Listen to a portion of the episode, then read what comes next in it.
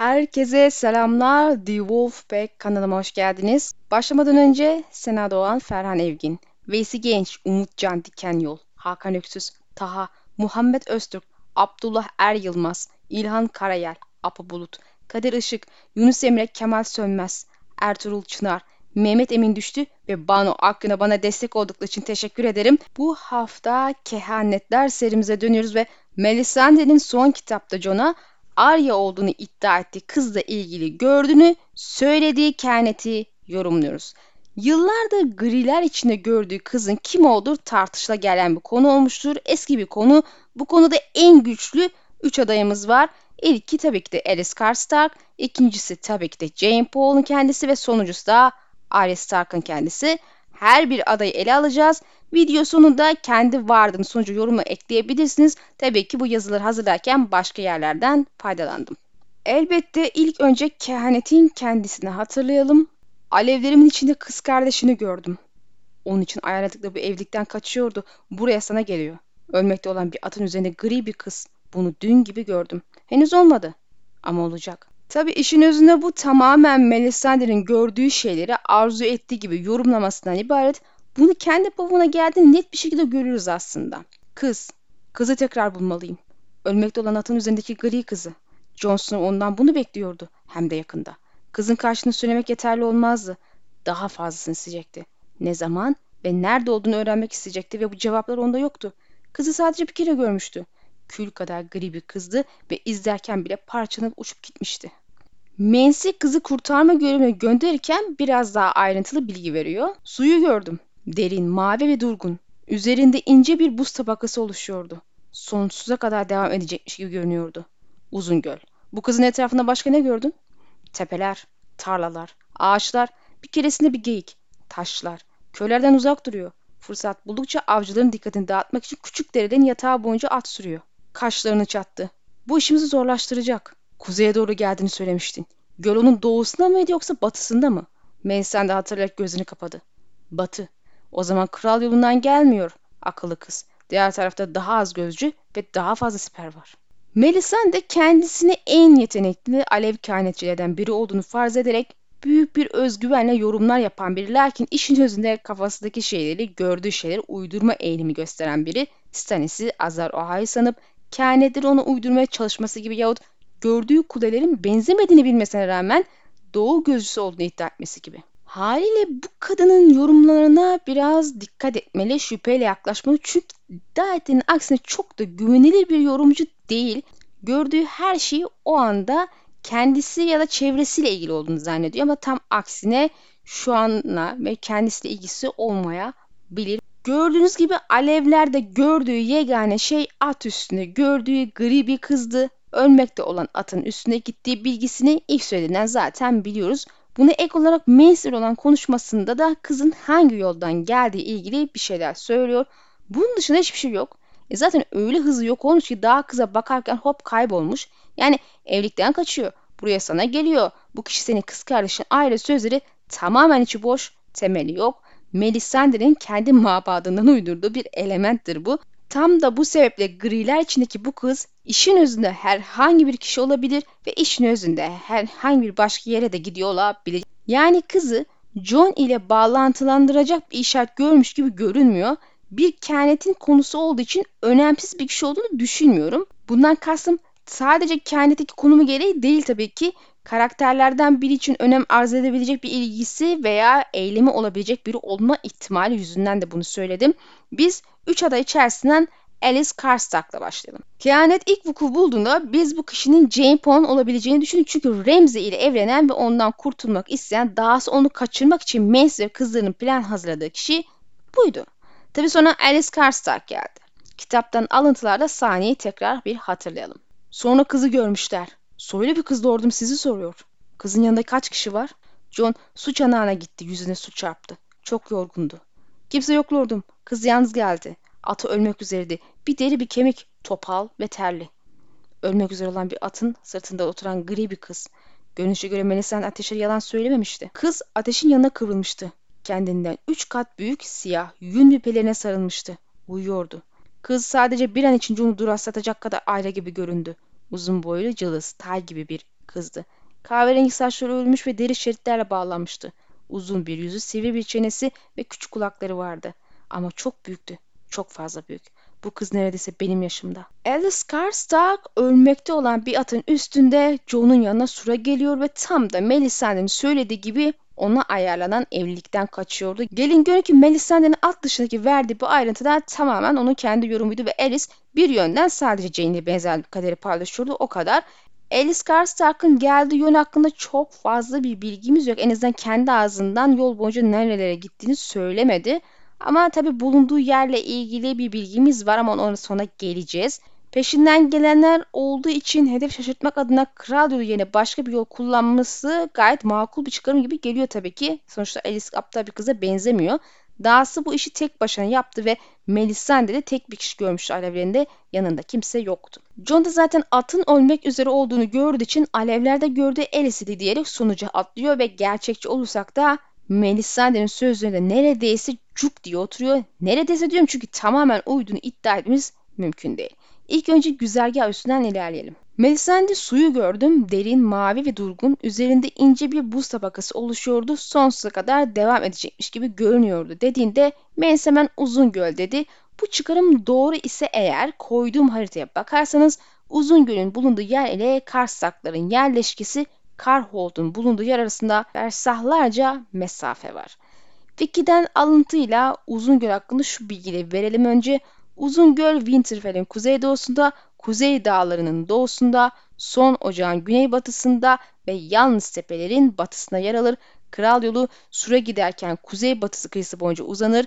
Uzungöl güneye ısıra akan beyaz bıçağın kaynağıdır. Uzungöl'de buzda balık avlanıyormuş. Yani Uzungöl gördüğünüz gibi zaman zaman buz tutan bir bölge. E, gördüğünüz üzere beyaz limanların su deposu olan Beyaz Bıçak Nehri'nin kaynağı olan Uzungöl'ün yakınında Winterfell dışında sadece Umberlerin yerleşkesi Son Ocak var. Karhold ise fersahlarca doğuda denize kıyısı olan bir yerde bulunmakta ve ona en yakın uzun sayabilecek su kaynağı ise Son Nehir'dir. E, o da Son Ocağın oradan geçer ve Uzungöl gibi kuzey dağlarının doğusunda son buluyor. Yani Alice için en makul seçenek özellikle yolu çok iyi bilmiyorsan Karold ormanlarını geçip Slate hanesinin yerleşkesi olan Kara Havuz'a varıp çünkü burası ayrıca bu nehrin orada kurulu. Oradan da nehri takip ederek son Ocak ile dağların oraya vardığında kuzeye doğru ilerlemektir.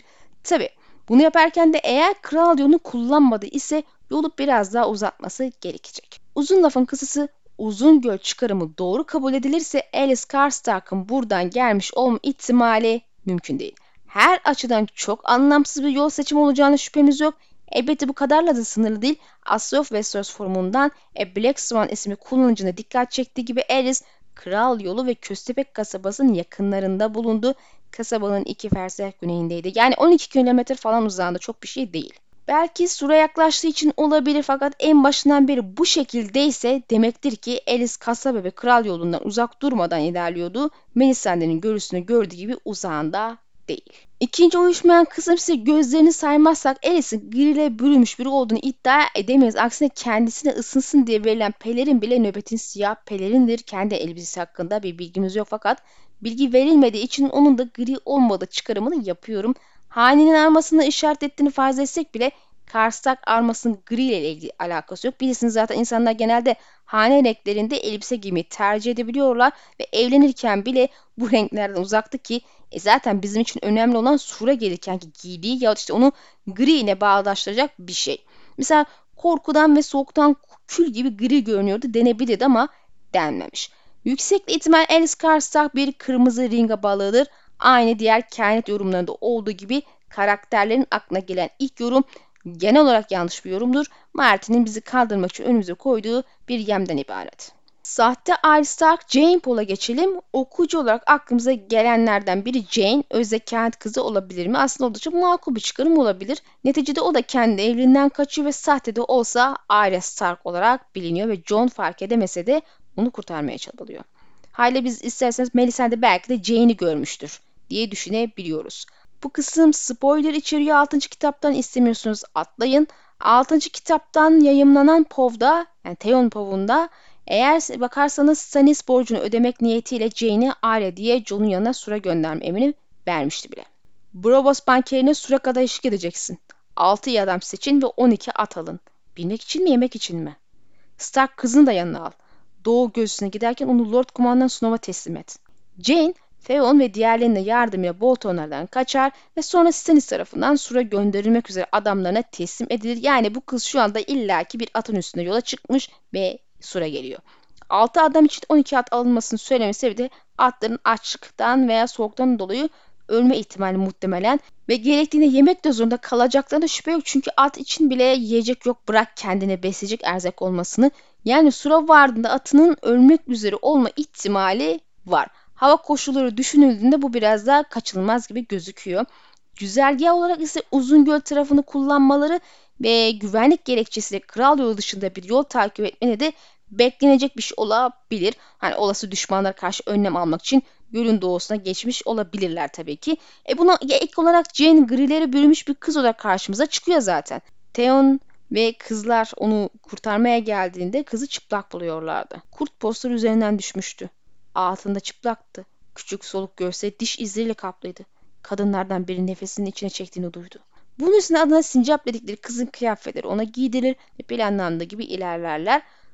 Robin onun eline bir tomar giysi tutuşturdu. Onu giydirin dışarısı soğuk. Sincap iç çamaşırlarına kadar soyulmuştu ve daha sıcak bir şeyler bulmak için oymalı bir sedir sandığı karıştırıyordu. Tabi sonraki sahneden görürüz ki Sincap'ın giysisi zaten gri renkteymiş. Sincap geri döndü, diğer dördü de yanındaydı. Zayıf gri saçlı Martel, uzun siyah örgüsüyle söğüt cadı göz, kalın belli ve kocaman göğsü Ferenya, bıçağıyla Holly. Hizmetçi kızlar gibi kat kat gri kaba kumaşlarla bürünmüşler, beyaz sarşan kürkleri astarlanmış kahverengi yün pelinler giymişlerdi. Yani hepsi gri renk giyinmişti ve doğal olarak Jane de gri bir kıyafet giyiyor. Buraya kadar toparlarsak Jane evliliğinden kaçıyor. İleride ölmek üzere olması muhtemel bir atın üstünde uzun göl civarından Sura John'un yanına gidiyor ve grilere bürünmüş durumda. Yazıyı hazırlamak için kullandığım makalede pek de katılmadığım bir başka ayrıntıdan da bahsediliyor. Bundan bahsedeyim sonra neden katılmadığımı da ekleyeceğim. Melisandre'nin izlerken parçalanıp gittiği sözünü ele alırsak Jane'in Theon'a kaçışından sonraki durumuna da bakabiliriz. Burnun ucu dolma nedeniyle siyah döndüğünde ve gece nöbeti atlılarından biri ona burnunun bir parçasını kaybedeceğini söylediğinde Jane bunun için de ağlamıştı. Görünüşe göre burnu gerçekten de yüzünden ayrılabilir.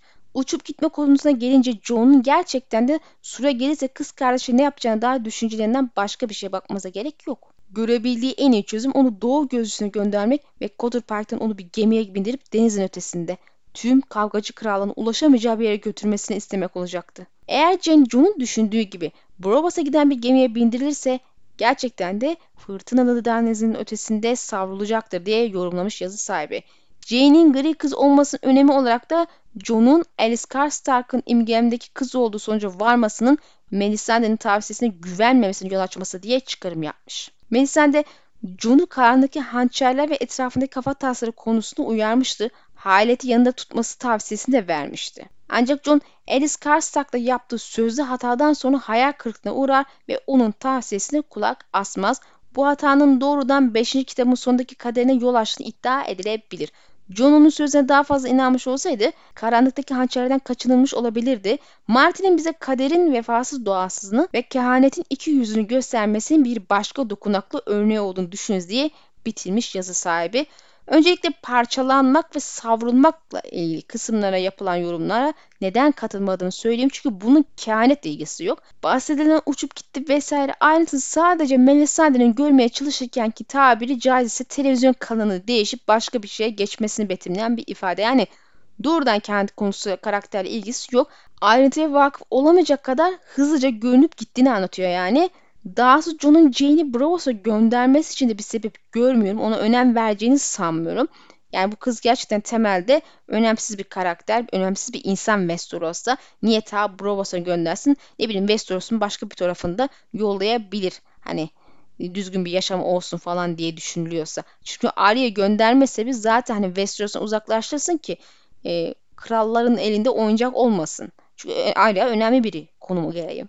Dahası bu kızı Bolton'un yanına ortaya çıkartıp kuzeyleri yana çekmek için kullanmak istemesi de olasıdır. Gerçi bana kalırsa John'un sözünün yeterli olması gerekir. Fakat bunu kız elinde varken yapması elbette daha makul olandır. Özellikle kızın kendi ağzından da bir onay sözü gelmesi daha iyi olur. Haliyle savrulup uçmak ifadesini deniz yolculuğuna bağlamak için de bir sebebimiz yok. Zaten öne sürülen bu önerilerle fazla zorlama ve alakasız şeyler.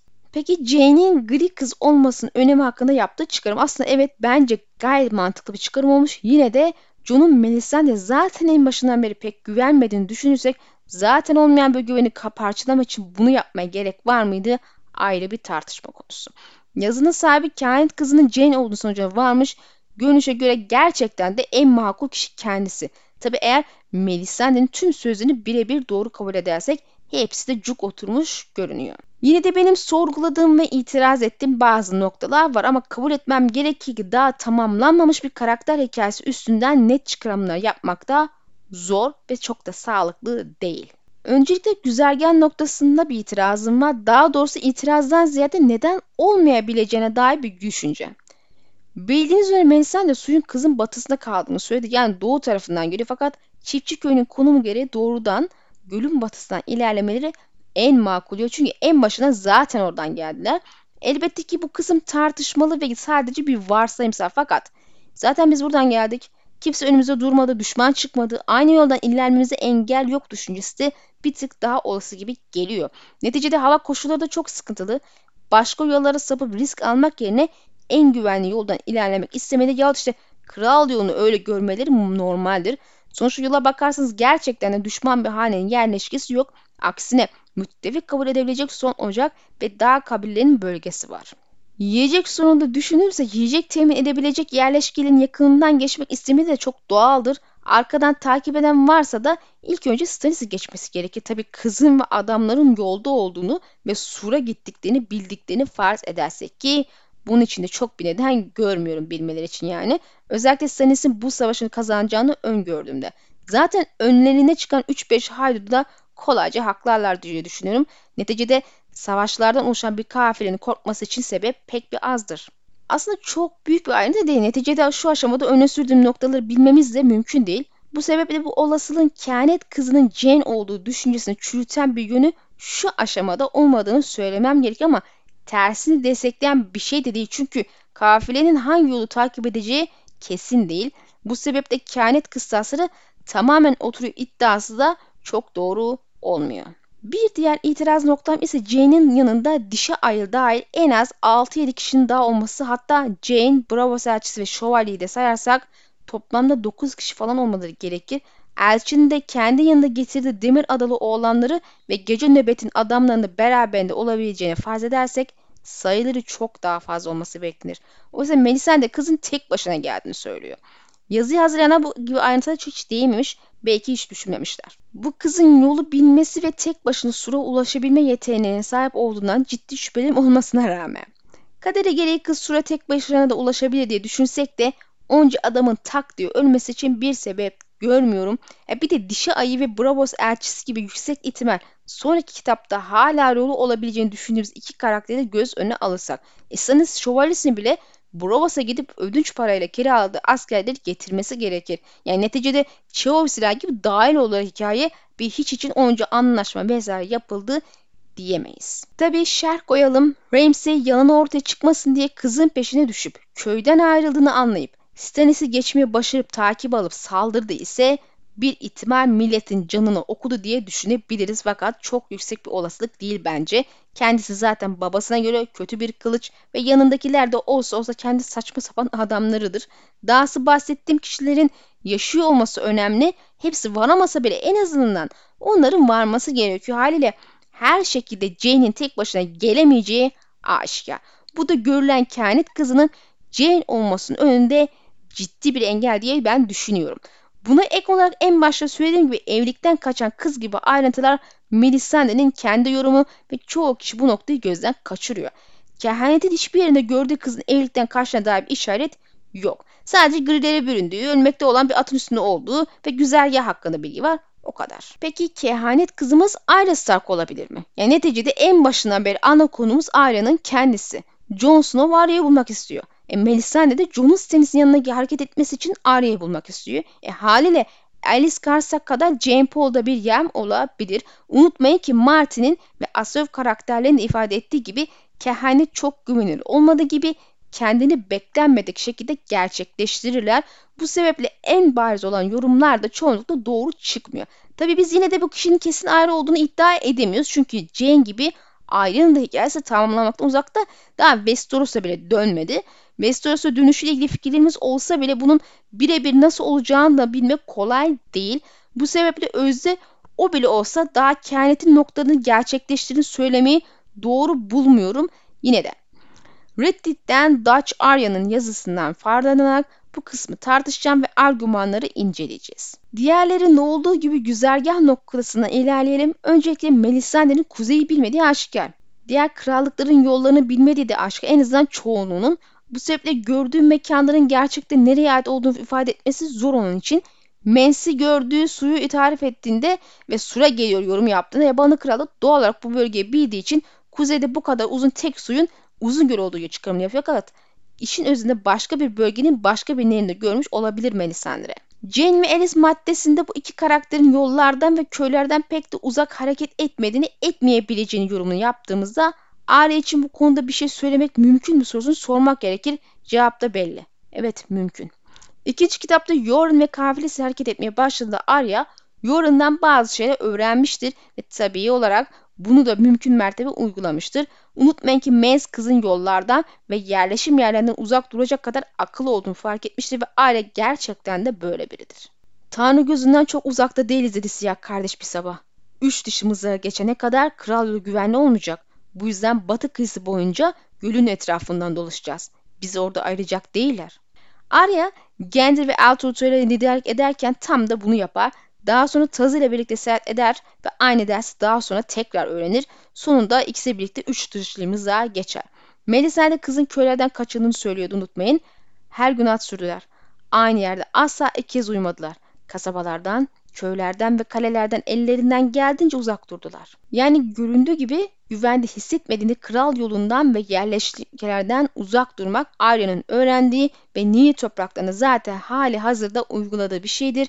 Yazının sahibi Horn yakınlarında bulunan bu gölün Melisandre'nin vizyonda gördüğü göl olduğunu öne sürüyor ve bunun için birkaç alıntı vererek iddiasını destekliyor.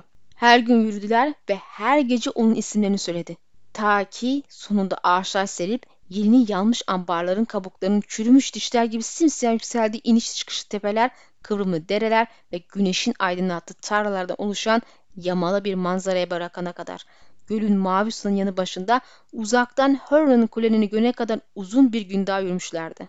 Batan güneş suyun sakin yüzeni dövülmüş bir bakır levha gibi parıldatıyordu şimdiye kadar gördüğü en büyük gördü ve uzak bir kıyısı olduğuna dair hiçbir ipucu yoktu. Doğuda Tanrı gözü dünyanın yarısını dolduran güneş ve harmanlanmış mavi bir tabakaydı. Bazı günler çamurlu kıyıya doğru ağır ağır ilerlerken Arya gölün kendisini çağırdığını hissediyordu. O durgun mavi suları atlamak, kendini yeniden temiz hissetmek, yüzmek, su sıçratmak ve güneşin tadını çıkartmak istiyordu. Peki başka ne biliyorsun?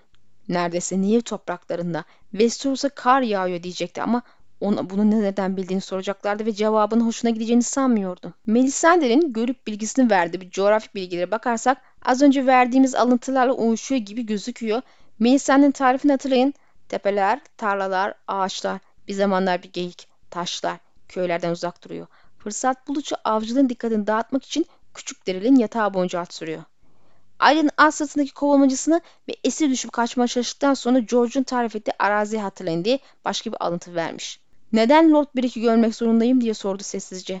Ona tüm soru tutsaklarımızı getiriyoruz dedi Anguy. Tutsak. Arya ruhunu sakinleştirmek için derin bir nefes aldı. Durgun su kadar sakindi. Atlarının üzerindeki haydutlara baktı ve atının başını çevirdi. Şimdi bir yılan kadar hızlı diye düşündü topuklarının atını böne vururken tam yeşil sakal ile şanslı Jack'in arasına uçtu ve kısra yolundan çekilirken Gendry'nin ürkmüş yüzünü bir anına gördü ve sonra açık arazide koşmaya başladı. Kuzey ya da güney, doğu ya da batı artık hiç fark etmiyordu. Geçit oldukça uzun ama Arya Tanrı gözüne yakın bir bölgede tepelerin, ağaçların, tarlaların ve taşların üzerinde koşuyor.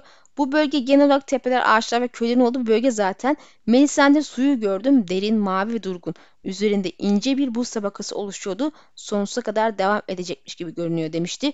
Önceki alıntılarda gördüğünüz gibi su gerçekten derin, durgun ve mavi. Tanrı Gözü Gölü neden önemlidir? Yeşil adamların kutsal birliği ve orman çocuklarının en kutsal yeri burası. Tanrı Gözü Gölü merkezinde bulunan Yüzer Adası'dır.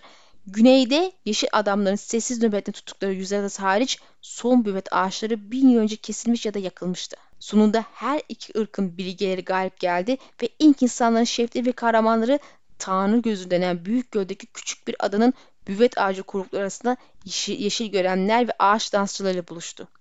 Şu alıntıyı da ekleyelim hemen. Yüzler adasında kimse ziyaret etmiyor diye itiraz etti Bran. Orası yeşil adamların yaşadığı yer. Buradan kuzey doğudaki küçük ağaç bir adayı görebiliyordu. Kıyıdan 30 metre uzakta üç siyah kuğu suyun üzerine yüz süzülüyordu. O kadar sakindiler ki kimse onlara savaşın geldiğini söylememiş ve yanan kasabalar ve katledilen insan umurlarında değildi. Onlara özlemle baktı. Bir yanı kuğu olmak, diğer yanısı kuğu yemek istiyordu. Melisandre'nin vizyondaki gri kızın Arya olması ve gelecekte Westeros'a dönüp Tanrı Gözü Gölü'nün batı kıyısı boyunca güneye muhtemelen Yüzer Adası gibi önemli bir yere gitme ihtimali nedir diye sormuş yazının sahibi ve Martin'e Yeşil Adamlar hakkında sorulan bir soruya verilen cevap eklemiş. Yeşil Adamlar ve Yüzer Adası daha sonraki kitaplarda gündeme gelecek. Tazı ile birlikte üç dışı mızrak yakınlarında seyahat ederken aile dört ağacı ismiyle işaretler ve Kızıl Rahib'in onu alevler içinde bulması için dua eder Melisande de kendince umutsuzca çabalıyordu. Belki başarmıştı ama yeri ve zamanı tamamen yanlış anlamıştır. Zaten sık sık olayları yanlış yorumluyor. Gri kız ölmek üzere olan bir atın üzerinde seyahat ediyordu ve Melisandre'nin Jon'un güveni kazanabilmek için doğru olduğuna inanmak istediği gibi kuzeydeki uzun göle değil Tanrı gözü boyunca güneye gidiyordu diye bitirmiş yazının sahibi. Şimdi genel olarak öne sürülen argümanlar hakkında fikrimi ifade edeceğim. Öncelikle güzergah konusu öne sürülen Melisa'nın gördüğü yeri bilmediği için işine gelen çıkarımı yapmış olması argümanı oldukça makul. Arya'nın Toros'un kendisini bulması için dua ettiği ve bu duanın cevabının Melisandre olması önerisi de gayet makul. E zaten olaylar birbirine bir şekilde bağlanıyor böyle. Bu sefer doğru çıkması şaşırtıcı olmaz. Arya'nın zaten hali hazırda yerleşken yerlerinden ve kral yoluna uzak bir şekilde ilerlemesi ve bunu zaten bir nevi alışkanlık haline getirmiş olması da imgelerde görünen kişinin Arya olabileceği ihtimalini güçlendirir. Alice ve Jane maddesinde bu özelliği neden taşımadıklarını, taşımayacaklarını, taşımayabileceklerini açıkladım. Fakat Dutch'ın öne sürdüğü Tanrı gözü önermesi bana pek doğru gelmiyor. Her şeyden önce evet Westeros havalar soğumaya, Nil topraklarında, kral topraklarında kar yağmaya başladı. Haliyle sular yavaştan buz tutmaya başlamış olabilir. Lakin önü sürülen Tanrı gözü havalar sıcakken yeşil ve mavi görünürken havalar soğuduğunda soğuk çeliği andırır. Oysa Melisandre'nin su açıkça durgun ve mavidir. Haliyle Tanrı gözü hale geldiğinde o sıcak görüntüsü kaybetmiş olacaktır. Nasıl buz tutuna dair hiçbir bilgi de hatırlamıyorum. Lakin bu seferki kış uzun geceyi de beraberinden getirdiği için ince bir buz tabakası tutma ihtimali var gözüyle bakabiliriz. Arya'nın grileri bürünür bir hali şu an aşamada yok gibi. Tamam gözleri gri ve sancaklarında da gri var. Belki dolaylı yoldan işaret etmek istemiştir kehanet veya tamamen başka bir şekilde de kendini gösterebilir. Şu aşamada fazla önemli değil. Sonraki kitapta baştan sona griye bürüneceğini de tutabilir yani bilmiyoruz bunu şu an. Uzun göl önermesi için Martin'in sözü bir güçlendirici argüman olarak öne atılsa da Yüzler Adası'nın Arya ile olan bağlantılı bir macera içerdiğini yorumlamak için elimizde güçlü bir şey olduğunu düşünmüyorum. Başka biri de olabilir ve bu bir sonraki kitap değil de son kitap da olabilir. Ben Arya geldiğinde doğrudan kuzeye gideceğine inanıyorum. Bu sebeple Neyi topraklarında bir macera karşılığını zaten sanmam. E bunun için ayrı bir videom var ama bir iki maddeyle açıklamaya çalışayım tekrardan. İlk olarak aile Nil topraklarını terk ettiği andan itibaren burayla bağını kesti, Sur'a gitmeye çalıştı. Sen ve şarkıcı Daryl karşılaştığında bile onları Sur'a gitmenin bir yol olarak gördü. Yani üç tür bir girişimi oldu lakin başaramadı. Naimel için bile geri dönmeyi aklın ucundan geçirmeyen kızın Nil topraklarına gitmeyi tercih etmek için görünürde hiçbir sebep olamaz. E zaten bir süredir ailenin dolaylı da olsa kuzeyde olan bitenlerle bağlantısı var. İkinci olarak eğitimi devam eden ailenin durduk yere buraya terk etmesi düşünülemez. John'dan haberler aldığını biliyoruz zaman zaman ve Bravos elçinin döneceğini tahmin ediyoruz. Yani John ve kuzeyde olan bitenler hakkında olan bitenleri duyduğunda bu onun ayrılması için zaten yeterli olacaktı. Zaten en az bir geminin kuzeye gitmek için limanda demirlemiş olduğunu da biliyoruz. Hatırlarsanız yabanlıları köleleştirmek için çabalayan köle gemilerinden biri hasar alıcı tamir için Bravos'a sığınmıştı. E boş yere buraya böyle bir geminin demirlendiğini düşünemeyiz. Hadi diyelim ki çok farklı şeyler oldu ve Arya'nın yolu Nil topraklarına düştü. Gemi bulamadı diyelim. Atla bunu tekrar tuz çukuruna veya işte bu bölgede başka bir yere. Niye Hornol tarafına gitsin ki? E zaten burayla hoş anıları da yok. Beş kitaptır evine dönmek isteyen, Jon'un yanına gitmek isteyen ve güneyden gelen bir karakterin şimdi tekrar güneye dönüp evinin tam tersi istikamete gitmesi için mantıklı bir gerekçe yok. Hem de en rezil anılının olduğu bir bölgeye. Genelde Arya'nın Nil topraklarına dönmesiyle ilgili ortaya atılan sebep sancaksızlar ve Gendir'le bağlanır. Oradan da dolaylı olarak annesine ki John için kuzeye gitmeyen neden bunlar için buraya gelsin ayrı bir olay ama öyle farz etsek bile bu adamları bulacağı yerde iyi kötü belli zaten. Hepsi birden boğaza yakın bir yerde. İkizlerdeki kızıl düğün ikiye hazırlanıyorlar malum. Yani gene kuzeye yakın bir yere gitmesi gerekiyor. Uzun lafın kısası Güney Melisa'nın imgelerini gördüğü bir yer olamaz. Bir de aslında şöyle de bir ayrıntımız var. Ee, benim daha sonradan aklıma gelen. Melisande imgeye baktığı zaman gördüğü yeri kuzeyle bağdaştıracak bir ayrıntıya sahip olması lazım. Her ne kadar bahsedilmemiş bile olsa metinlerde. Bu da nedir? Tabii ki bölgenin karlı olması. Yani şimdi düşünsenize siz zaten kuzeydesiniz. Her yerin kar olduğunu, soğuk olduğunu görüyorsunuz.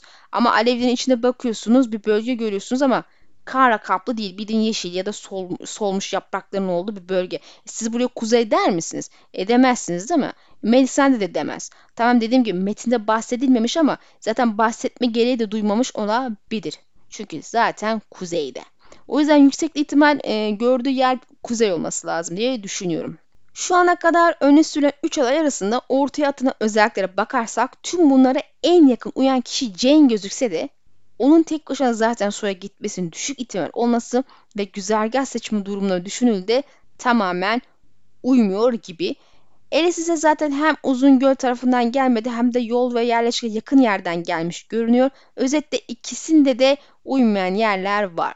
Bu sebeple bu ikisinden ziyade bir 3-3 kişi aramak daha makul geliyor fakat öne sürülen Arya Stark içinde kesin o konuşmak şu aşama mümkün görünmüyor. Zira kendisi daha Westeros'a dönmedi ve döndüğünde içinde bulunacağı şartları da bilmiyoruz. Belki de kentte görülen tüm koşulları bir sonraki kitapta döndüğünde karşılayacak. Açıkçası Melisandre'nin gördüğü kişinin Arya olması hikaye akışı için en uygun o gelse de bu konuda kesin ifadede bulunmam mümkün değil. Hiç aklımıza gelmeyen biri dördüncü kişi dahi olaya dahil olabilir. Çok sanmasam da olabilir gözüyle bakmamız gerekir tabii ki. Kehanet neticede keskin yorumlar yapmak doğru değil. Peki Arya'sı bu olay nasıl gerçekleşebilir ki? Eğer geldiği gemiyle veya başka bir Bravos gemiyle dönecek ise misal serçe parmağı çalışan bir Bravos gemisi vardı.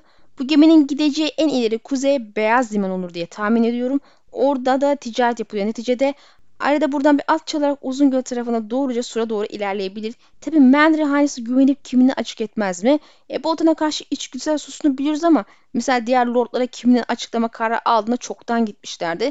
Belki yegane amacı John'dan ulaşmak olduğu için kiminin gizlilik yola devam edebilir ve savaş ortamı olduğundan da yerleşim yerleri ve ana yoldan uzak durmak isteyebilir. Bu da tam aylık bir hareket zaten. Mevsim koşulu kötü olduğu için sura vardığını at, ölmek üzere olur ve bakarsınız bizim kız da soğuktan kül rengine döner. Bir ihtimal belki köle gemisinin onu yabanıların olduğu Çetin Ocağı taşıması. E biliyorsunuz erkek kılına girme ihtimalinden bahsetmişim Arya'nın Westeros'a dönmesiyle ilgili videoda. E köle gemisine giriyorsan kız olmaktan ziyade kılıçlı bir gece nöbetin adamı olmak onu daha güvende tutacaktır. Oraya vardığında belki sura ulaşmaya çabalayabilir hatta belki doğu gözcüsünü bırakmasını ister ama fırtına olur ve gemi batar gözünü sur ötesine açar. Bir sonraki kitapta doğu gözcüsünü göreceğimizi biliyoruz. Eğer John bir sebeple oraya gitmeyecek ise oraya görmenin en kestirme yolu Arya'nın gözünden görmektir. E tabi bunun da şöyle bir eksi yönü var.